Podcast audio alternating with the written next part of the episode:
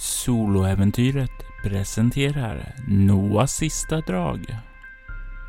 Säsong 1 Oskuldens arv Avsnitt 3 Spelledare är Robert Jonsson och Greg Barton spelas av Gustav Rutgård.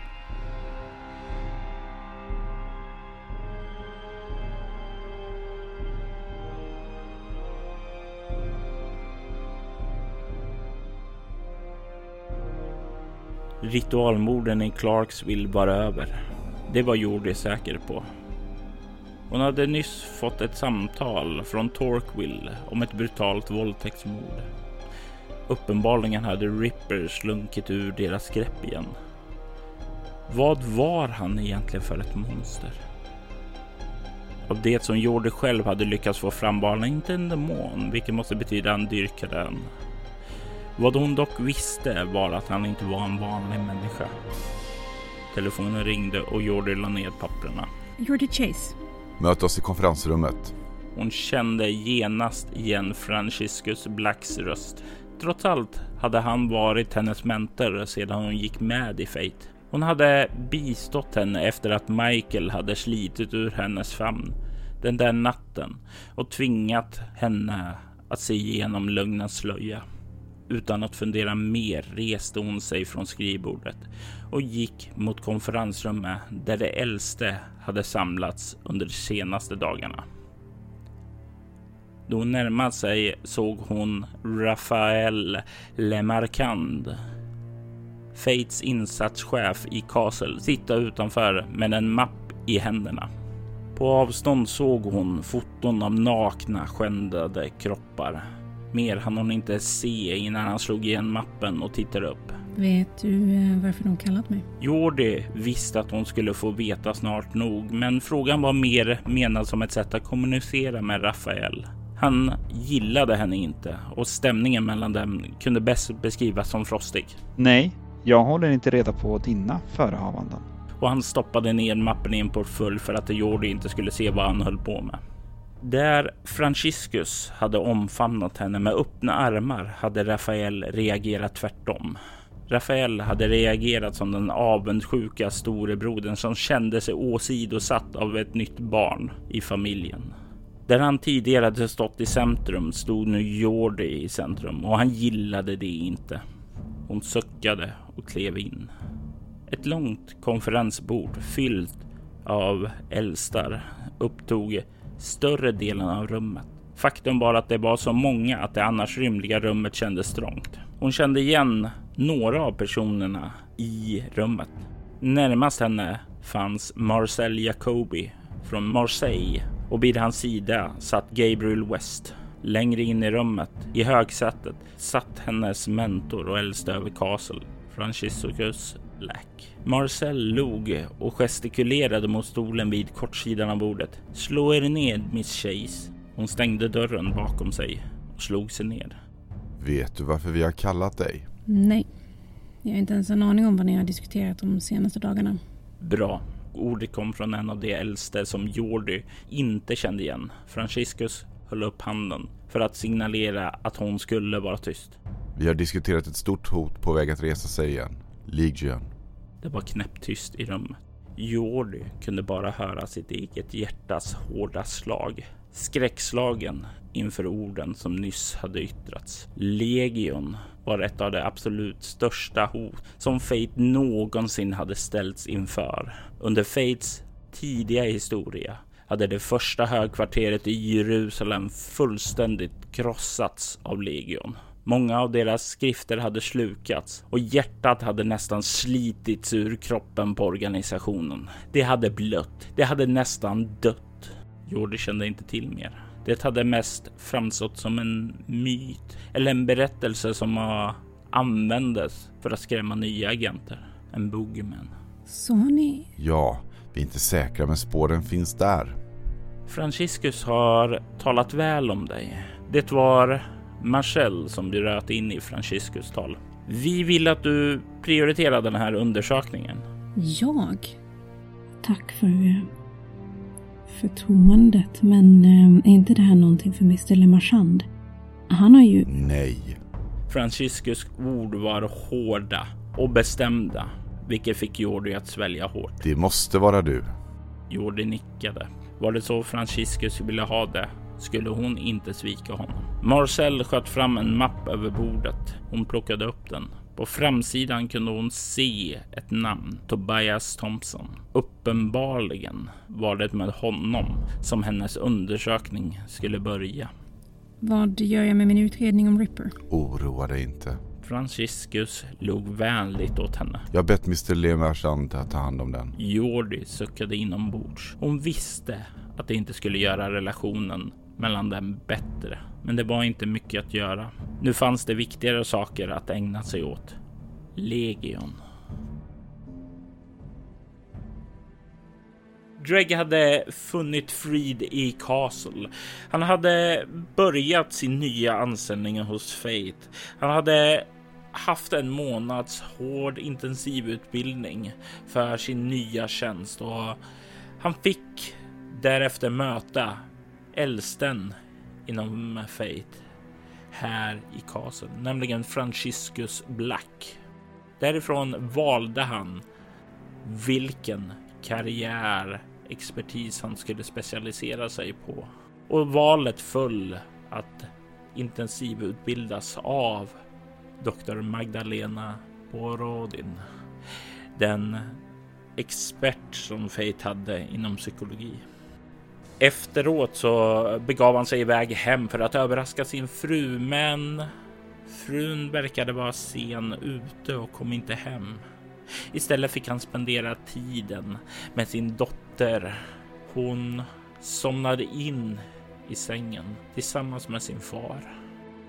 Och det var där, i den trygghet han kände till nära sin dotter, som minnena började sipprade fram igen minnena om vad som hände vid testamentsuppläsningen. Greg har anlänt. Greg har fått träffa de flesta andra som ska vara en del i testamentsuppläsningen. Tobias fru Jane, hans betjänt Martin Amber. Det var även Dave Collins och hans gamla assistent Vanessa Redgrove.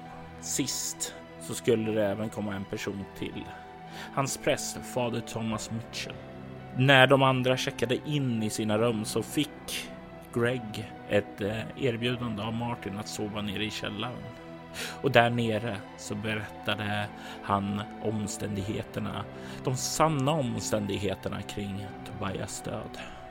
Och misstänkarna att någon annan här bland arvingarna skulle vara misstänkta till att ha mördat Thomas.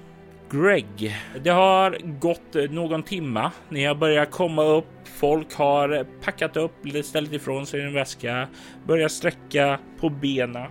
Ni har fått reda på att eh, den första testamentsuppläsningen kommer att eh, ske eh, senare idag. Närmare bestämt framåt 19 19.00. Och eh, det är några timmar kvar till dess. Hur tänker du spendera tiden dit?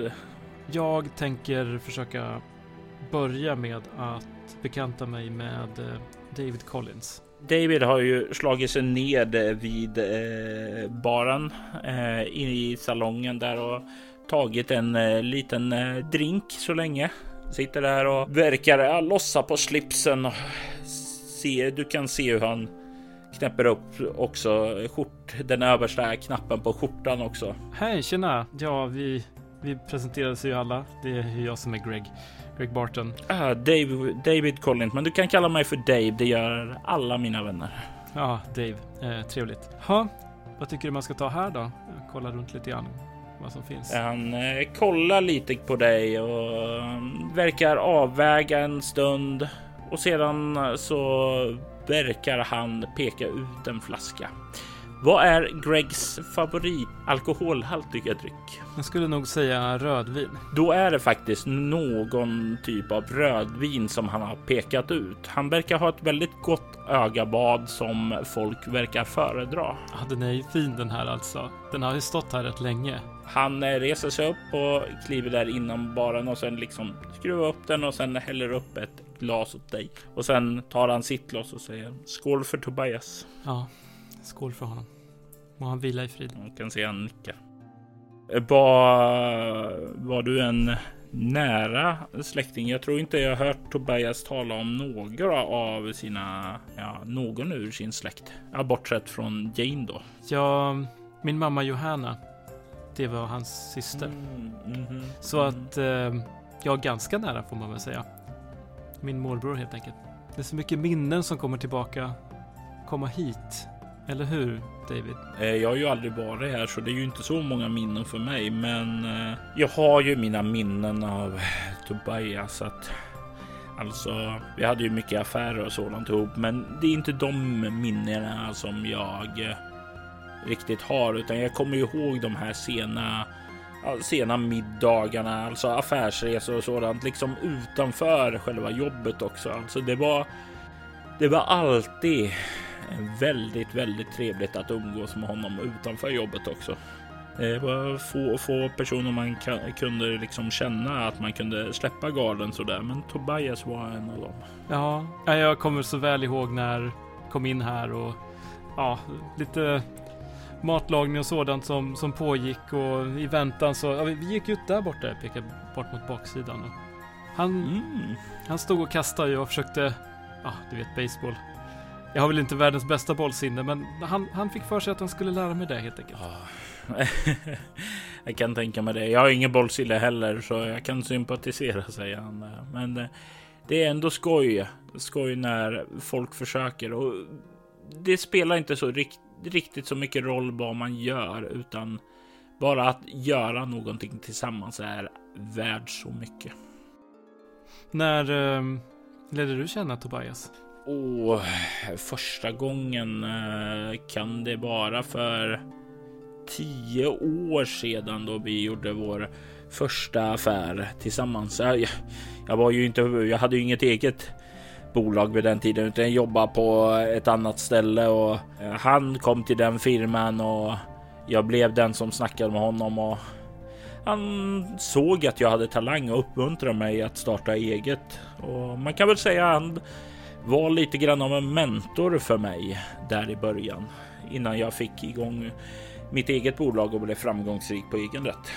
Vad, eh, vad sysslar du med? Och jag, jag, jag sysslar mest med eh, import och export. Mm, Okej, jag tittar på honom som du berättar inte egentligen vad det är att du eh, sysslar med. Och så säger jag ja, okej, men berätta mer. Det är liksom, jag, vad är det egentligen du, du gör? Och när du öppnar den här porten så väller det ut business snack. Det är om, han, han, om hans handel med olika försäljning till eh, här i USA från eh, olika klädtillverkare från Asien.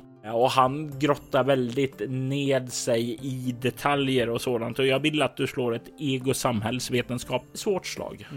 Jag får 15.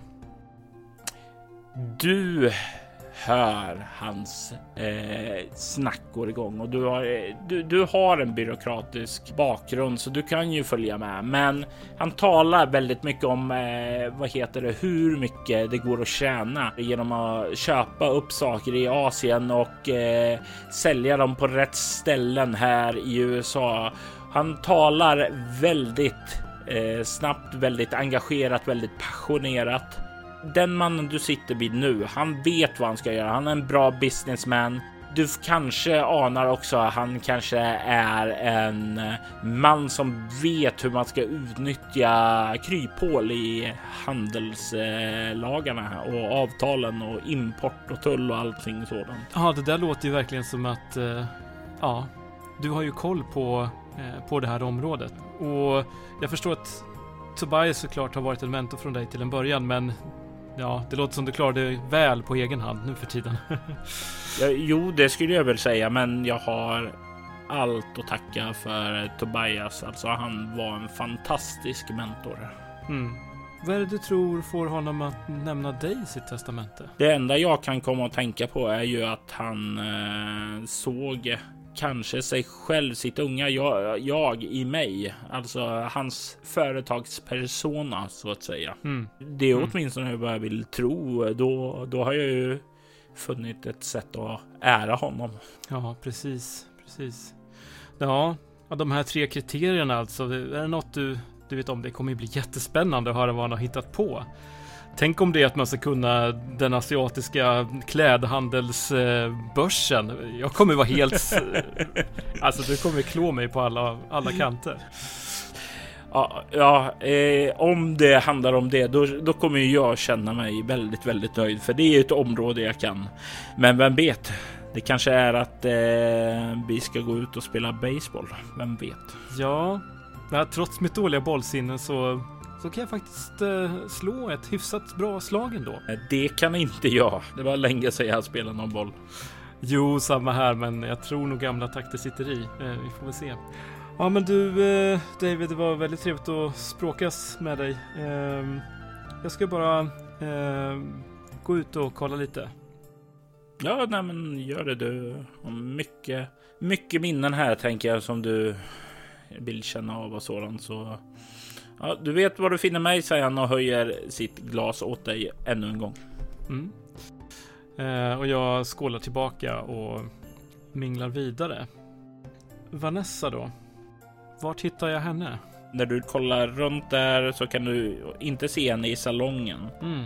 Ja, jag går in i eh, köket. Och du är på väg in i köket så kan du se hur Vanessa kommer ner för trappen och när hon ser dig så nickar hon åt dig och säger Greg var det? Ja, det stämmer. Greg Barton. Eh, trevligt. Eh, Hon kliver fram till dig och sträcker fram handen. ja, jag tar den. Eh, angenämt, eh, Vanessa. Hur väl kände du din morbror? Alltså, jag kände honom privat, kan man väl säga. Och under mina tonår och ja, mitt tidiga vuxenliv så vill jag väl påstå att jag kände honom ganska väl. Vi, vi sammanstrålade under någon vecka, eh, varannan månad sådär. Det här kanske låter dumt, säger hon, men han talade aldrig om mig. Han... Eller det där lät fel. Alltså, du vet inte varför han inkluderade mig i testamentet. Alltså, han pratade inte särskilt mycket business med mig. Jag tror att vår relation var ett sätt för honom att hitta till familjen, även om han kanske inte hade så... Ja, relationen mellan Tobias och, och min mamma var väl inte den bästa, kan man väl säga. Mm, nej, jag, jag, jag vet, jag vet. Han talade en hel del om det. Det var ju jag som brukade få skicka mm, ja, julkort och sådant ut till eh, både dig och eh, din mor. Ah, jag ser lite besviken ut där tror jag. Men eh, du verkar vara lite förvånad själv att du blir inkluderad här i testamentuppläsningen. Ja, vi, vi, vi gick skilda vägar för nio månader sedan och vi har inte haft någon kontakt sedan dess. Så jag trodde definitivt inte att jag skulle vara inkluderad här. Jag tittar mig runt och säkerställer att Jane inte är i närheten. Hon verkar inte ha kommit in här. Jag lutar mig lite närmare henne. Um, hade ni bara en affärsrelation eller? Säger jag. Tittar intresserat på henne. Du kan slå en uh, utstrålning kameleont så ska jag slå ett slag jag också sen. 13. Och jag slår 15. Ouch. Du kan se hon, när du ställer frågan, att hon verkar bli eh, lite illa berörd. Som om det är någonting eh, med den frågan som hon inte alls uppskattar. Hon kollar på dig. Ja, ja det var professionellt. Det, eh, Okej. Eh, ja, nej, men det, det var trevligt att se dig, säger hon och sen så verkar hon ja, gå, gå iväg ifrån dig bort mot salongen. Klantigt Greg. Åh. Jag svär lite grann inombords liksom. Tar en sipp från vinet och går ut på mm, gräsmattan. Mm. Du kommer ut. Du kan se att förrådet där verktygen och gräsklipparen och andra trädgårdsredskap fortfarande är kvar där du minns det. Mm. Du kan höra vinden susar och du kan se träden ifrån den närliggande skogen. Det är så vackert, precis som du minns det. Mm. Jag eh, går bort mot det där lilla skjulet. Eh, öppnar dörren. Kollar in. Det ser ut precis som du minns det. Jag går in för att eh, plocka fram baseballvanten och bollen. Jag kommer tänka på det som Martin sa och sorgen väller över mig när jag kommer ihåg hur vi hade så kul tillsammans och kastade och slog och, och sen att han blev mördad. Den jäveln ska få... Ska komma på vem det var. Jag kollar mig runt. Ett rep var han hängde med. Ett rep.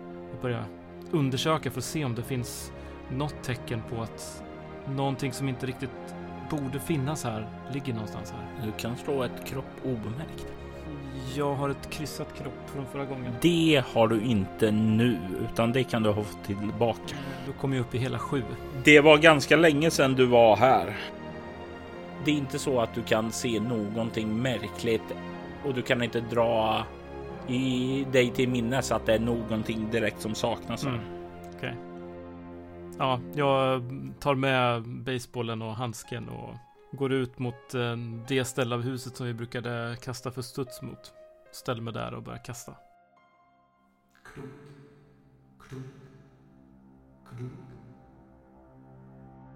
När du står där, slå ett ego överlevnad, ett lätt slag. Tio. Då belönas du med ett skräckslag. Eh, utstrålning, svårighetsgrad omskakande, eh, det vill säga sju. Mm, och jag kommer upp i åtta. När du står där så är det någonting som är annorlunda och du kan inte, först inte riktigt sätta fingret på vad. Sedan så inser du det. Du hör inget fågelkvitter. Inga insektsljud. Det brukar alltid höras sådant. Men nu så är det tyst. Jag stannar till. Lyssna. Titta mig runt. Blev det precis tyst eller? Eller har det varit det hela tiden? Du är inte riktigt säker, men när du börjar tänka tillbaka. Du hörde ju ljud när du körde upp. Du kunde se en del fåglar och sådant då. Men sedan du klev in i huset så kan du därefter inte dra dig till minnes något ljud ifrån djur eller fåglar.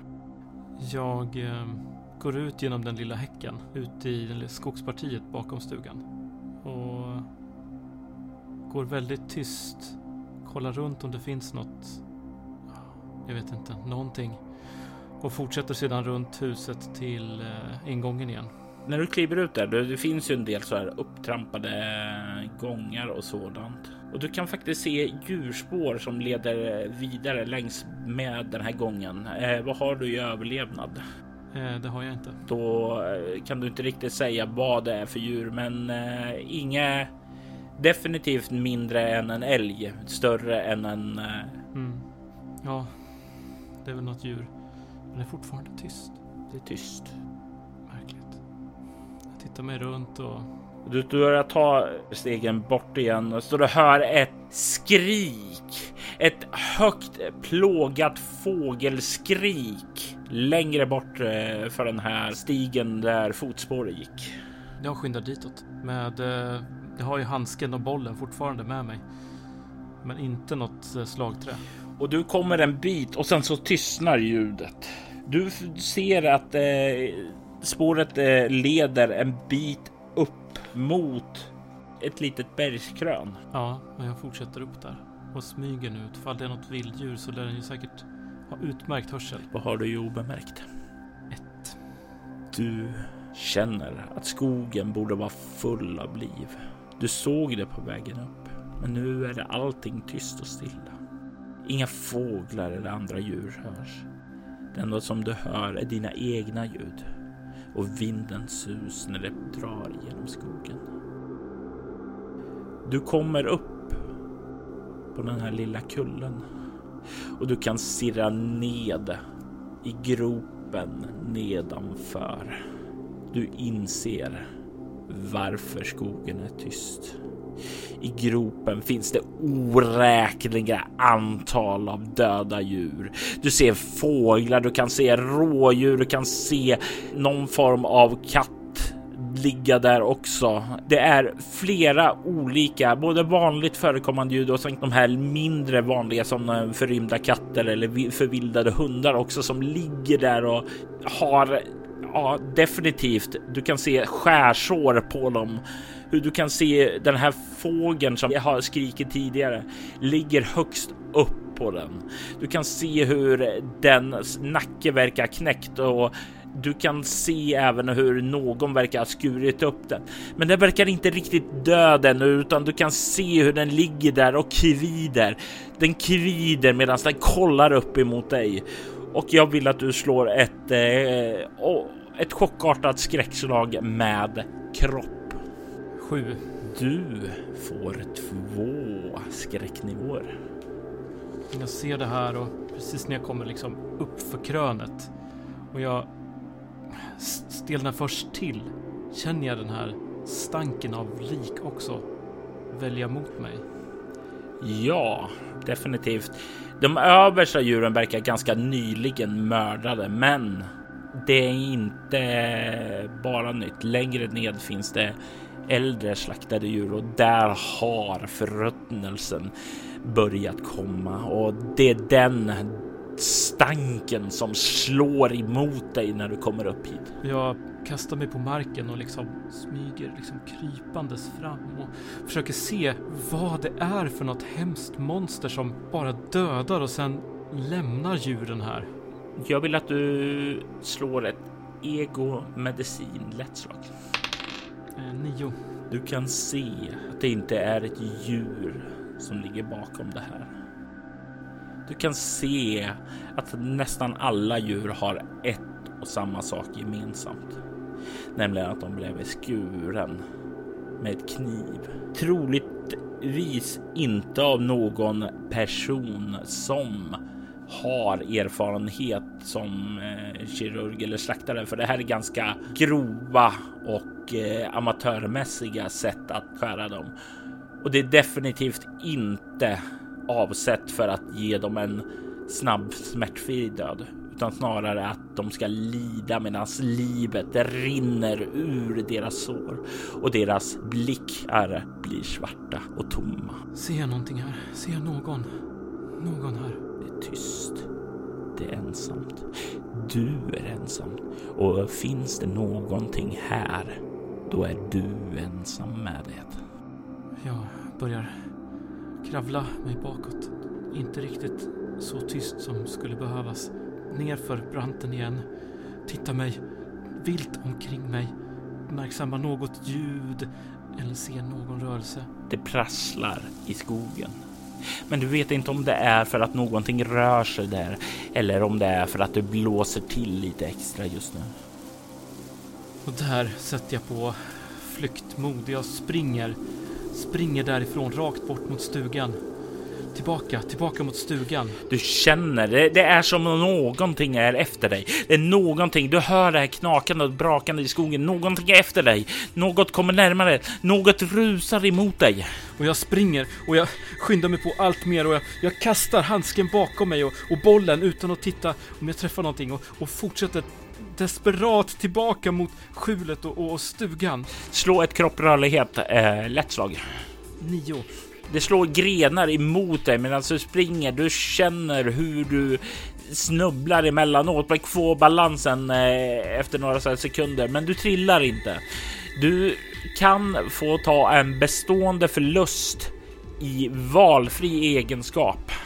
Jag tar den i kropp. Då blir det väl som så att du faktiskt snubblar under någon bit på väg tillbaka. Mm. Varför just kropp? Vad är det som sker som gör att det blir en bestående förlust i kropp? Alltså, jag börjar ju att springa ut på den här stigen tillbaka, men allt eftersom jag känner att den här kommer närmare och närmare så försöker jag ta den närmsta vägen tillbaka till stugan och då kommer jag bort från stigen och ut i bara skogen. Och jag trampar snett och vrickar foten lite grann och, och får väl någon rivsår på kinden så här också. Till slut så stapplar du ut på gräsmattan. Du kan se huset framför dig. Ja, det är räddningen. Jag, jag rusar bort mot eh, terrassdörren på baksidan och liksom springer nästan in i den så det, det dunkar till ordentligt när jag liksom går in och jag smäller igen dörren bakom mig och, och stänger och kollar ut genom fönstret.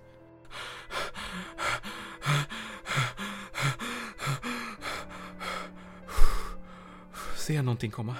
Du ser ingenting bakom dig. Ingenting. Jag backar in i, i salongen igen. Du kan se Jane sitta i soffgruppen och hon sitter där tillsammans med en man du inte har sett tidigare. Det är en man eh, i medelåldern. Han är klädd i ganska enkla kläder, men du kan se hur han har en prästkrage uppe vid halsen i alla fall. Så du får en känsla av den här mannen. Det måste vara den här fader Thomas som Martin talar om tidigare. Och du kan se att fader Thomas verkar försöka trösta Jane som ser lite upprörd och ledsen ut. Ser han ut som han, han är svettig? Är han svettig? Ser han ut som han precis har kommit in hit? Vad har du kameleont? Fyra. Du kan se att det här samtalet verkar ha pågått ett tag i alla fall. Okej, okay, okej. Okay. Ja, hej, hej. Greg, Greg Barton här. Eh, du kan se, du, du står där lite tystlåtet och nervöst och säger det där när de sitter där en bit bort och talar och de verkar inte höra dig. Du kan se Dave kollar upp mot dig. Uh, uh, är du okej? Okay? Um, um, det... Var det du som smällde i dörren? Ja, ja. Ja, det var jag.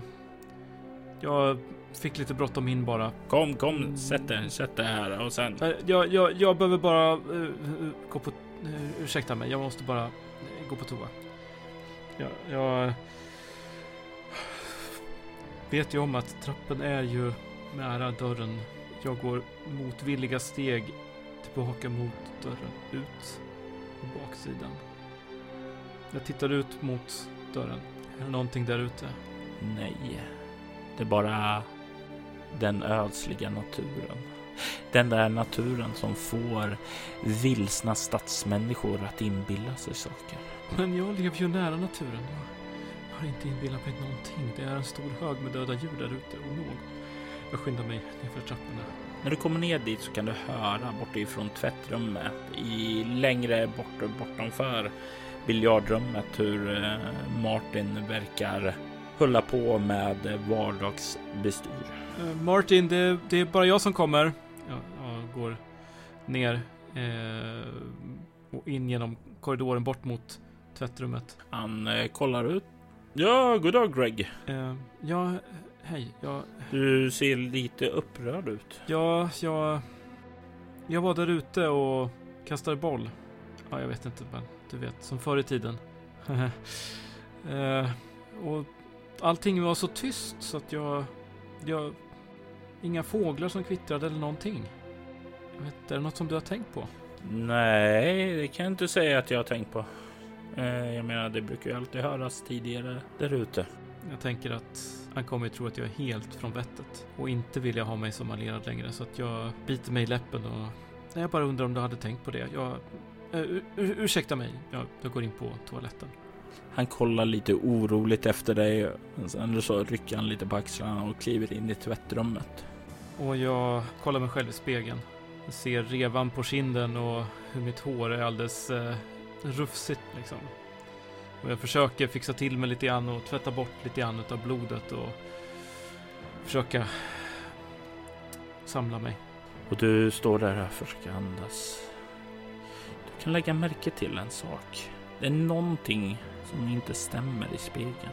Du kan se ditt ansikte verkar sakta börja förändras. Du kan slå ett omskakande egoskräckslag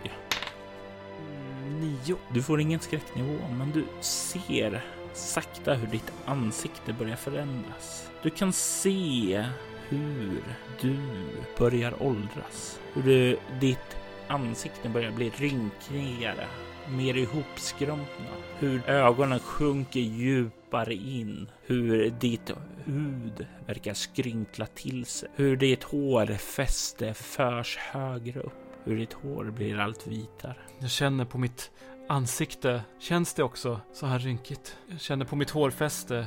Det är som det brukar vara. Du har ditt vackra fina hår kvar. Men du kan se hur du förändras, hur ditt vita hår blir längre, långt vitt hår. Och du kan se hur ett skägg börjar sprida ut sig, ett långt vitt skägg. Ah, ehm, jag tvättar av mig med kallt vatten i ansiktet och sluter ögonen och det, det är bara för mycket med, med Tobias och alltihopa. Jag, jag, jag torkar av ansiktet och går ut. Kollar bastun när den, när den är igångsatt. Den är igångsatt. Ja, Martin han har sina rutiner men det är bara lite mycket just nu. Lite för mycket. Tobias, ja, jag kommer sakna min morbror. Att han skulle blivit mördad, det är helt otroligt. Det är bara lite för mycket. Jag behöver bara, jag behöver bara samla mig. Kom igen nu Greg, samla dig. Så. Det, det, det kommer bli bra. Snart är testamentupplösningen och det blir också upplösningen för det här.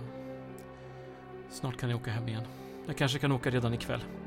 Jag har ju min bil här ute. Det är fortfarande fredag kväll och eh, Jonathan Lans sa ju att ni skulle vara beredda att vara här till söndagen.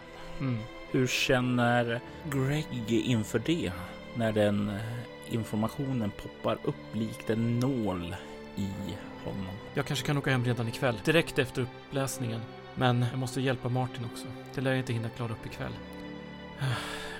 Okej, jag börjar gå upp för trapporna. Inser att jag står precis vid dörren ut. Kollar ut. Allting är lugnt och vackert utomhus. Kollar mig runt. Kollar på klockan. Vad är klockan? Klockan börjar närma sig halv sex. Kommer det serveras någon middag här? Jag, jag går ut i salongen igen. Du kan höra på vägen ut mot salongen att det är eh, någonting som pågår inne i köket. Du kan känna lite så här matost. Ja, det är säkert Martin som har kommit upp hit och börjat laga mat. Uh, jag, jag går in i salongen. Du kan nu se hur eh, David sitter i eh, soffgruppen och pratar med eh, fader Thomas. Du kan inte se Jane längre, men däremot så kan du se Vanessa som eh, har klivit ut på verandan och verkar stå och eh, spana ut mot eh, utsikten utanför. Ja, nej, det här. Jag måste göra något åt den där situationen. Jag, jag går ut på verandan igen. Du kan se hon eh, vänder sig om och kollar när du öppnar dörren och sen snabbt så vänder tillbaka blicken och, och stirrar ned mot eh, ja, det här huset som ligger en halv mil bort nere vid sjön. Kan se att det finns en bil parkerad där nere. Jag går fram och ställer mig kanske två, tre meter från henne och verkar också bara gå ut för att titta på utsikten. Kollar ut, säger ingenting. Det verkar få henne att slappna av lite i alla fall. Jag kollar på klockan igen. Mm, halv sex. Mm. Tror du det blir någon mat här eller? Ja, det måste väl bli någon mat här. Ja, jag hörde hur det var någonting som pågick i alla fall inne i matsalen. Så det skulle jag tro. Alltså, jag måste, jag måste be om ursäkt från förut. Det var verkligen ett påhopp. Det var, jag vet inte vad som flög i mig. Hon bara skakar på huvudet och säger nej, vi glömmer det. Vi glömmer det. Alltså, jag saknar honom verkligen. Jag, jag borde ha träffat honom oftare på slutet. Du ska veta att han alltid talade gott om dig. Att han såg med stolthet på dig. Mm. Ja. Han var viktig för mig. Och han tyckte du var viktig för honom. Han önskade att ni skulle ha träffats oftare. Och sen så liksom inser hon hur det låter. För, förlåt, det var inte så jag menade. Han var glad för den tid han fick. Ja, nej. Allting är så komplicerat på den sidan av släkten. ja, min mamma hon, ja.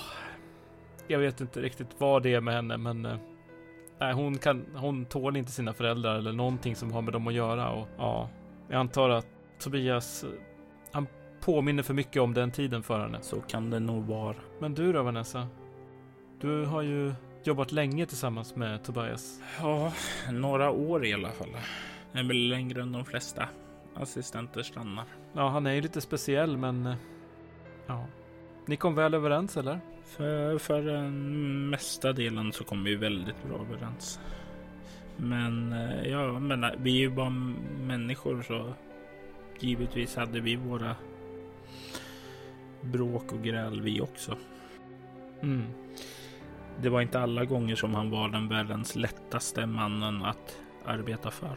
Nej, det förstår jag verkligen. Um, men um, ja, han behöver någon som hjälper honom. Han, han var ju väldigt upptagen vad jag förstår. Mm, det, det stämmer. Det är en tragedi att han gick bort. Men vi får väl försöka göra det bästa för att bevara bra minnena vi har av honom. Ja, verkligen. Det är de jag kommer komma ihåg. Som när vi stod här nere. Kastade baseball till varandra. Det är verkligen så fint här omkring. Ett underbart ställe den här stugan, eller hur? Jag vet inte. Det känns ödsligt. Känns inte bra. Det är någonting som känns off här. Brukar du vara här ute eller? Nej, det kan jag inte säga att jag har varit. Nej, okej. Jag, jag arbetade med Tobias. Jag var väl inte hans vän så att säga. Det måste ändå kännas fint att vara en av dem som står med i testamentet, eller? Jag gissar det. Ja, vi får se vad han har hittat på den här gången. Det blir väl hans... Ja, vi får se vad han har skrivit. Hans sista skratt. Kanske det. Jag kollar mig lite runt omkring. Det är bra utsikt härifrån. Det är väldigt, väldigt bra. Du det är ganska öppet här också så du ser ner till den här sjön nedanför. Du kan se att det gamla ödehuset där eh, inte längre verkar vara öde utan att det är no uppenbarligen någon som är där nere nu. Och det är första gången du har sett det. Men det är inte samma väderstreck som eh, där jag hittade den här gropen. Nej, absolut inte. Om det här går söderut så var det åt öst som gropen var. Ja. Nej, det är väldigt tyst. Det borde vara lite mer fåglar som kvittrar, kan jag tycka. Borde det, säger hon och rycker på axlarna. Jag vet inte, jag, jag har aldrig varit en skogsmänniska. Alltså inte? Nej, ja, det har väl jag varit däremot. Eller skogsmänniska och skogsmänniska. Ute i vildmarken i alla fall en hel del. Ja, Tobias sa ju att det här var hans tillflykt från civilisationen. Det var här som han kunde vara sig själv. vet du om han var mycket här ute mot slutet? Jag har inte haft någon kontakt med honom de nio senaste månaderna, så jag vet inte. Jag gissar att du kan få tala med hans fru om det. Ja, men eh, det lät på dig förut som att det var någonting som hände mellan er som gjorde att det inte sågs längre. Du kan slå ett nytt utstrålning interaktion. Du kan få, nu har du pratat med henne och går inte riktigt rakt på sak, så du kan få plus två på slaget. 14. Det skar sig mellan oss på ett personligt plan. Så det var inte eh, möjligt att vi kunde fortsätta vår yrkesrelation. Okej. Ja, jag förstår om det är privat så jag ska inte ställa fler frågor. Så du fick sluta helt enkelt som assistent? Ja, jag slutade som assistent, ja. Okej, jag förstår. Det måste kännas lite extra märkligt för dig att komma hit ut så här i efterhand och alltihopa. Ja, och jag undrar varför. Det var därför jag frågade dig tidigare. Ja, men jag vet inte. Vi har inte umgåtts jättemycket de senaste åren direkt, jag och Tobias. Men eh, ja, jag kan bara gissa till varför han eh, skriver in någon i sitt testamente. Men ja, det är klart, sin fru. Och Martin har ju alltid stöttat honom genom alla år, så det förstår jag också. Men eftersom inte jag känner dig Vanessa och ja, inte David eller eh, den här, vad hette han? Fader Thomas heller? Mm. Nej, eh, fader Thomas, han, ja, det var ju han som vigde Jane och Tobias där. Eh, han hade träffat honom innan Jane. Jag vet inte om det till och med var som så att, att det var genom eh, fader Thomas som Tobias träffade Jane. Okej. Ah, intressant. Men den här eh, affärsbekanta då, Dave, är, är det någon du... Ja, du borde känna till honom, eller? Jo då, jo då, Dave känner jag till. Han är trevlig, lite girig av sig. Väldigt mycket... Ja, vad ska man säga? Han, han gillar att tjäna pengar. Han har väl lite mindre skrupler att göra det. Mm. Har de umgåtts mycket? Eller?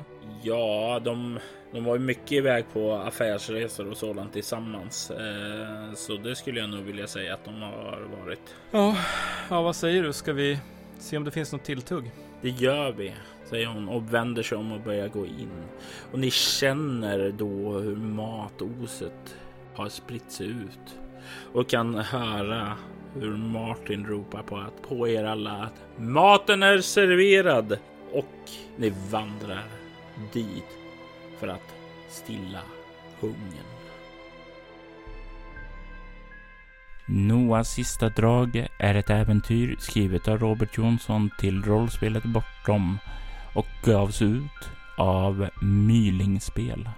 Statistroller i detta avsnitt är Pernilla Sparhult som Jordi Chase, Jörgen Niemi som Franciscus Black och Jonas Karlsson som Rafael Lemarchand.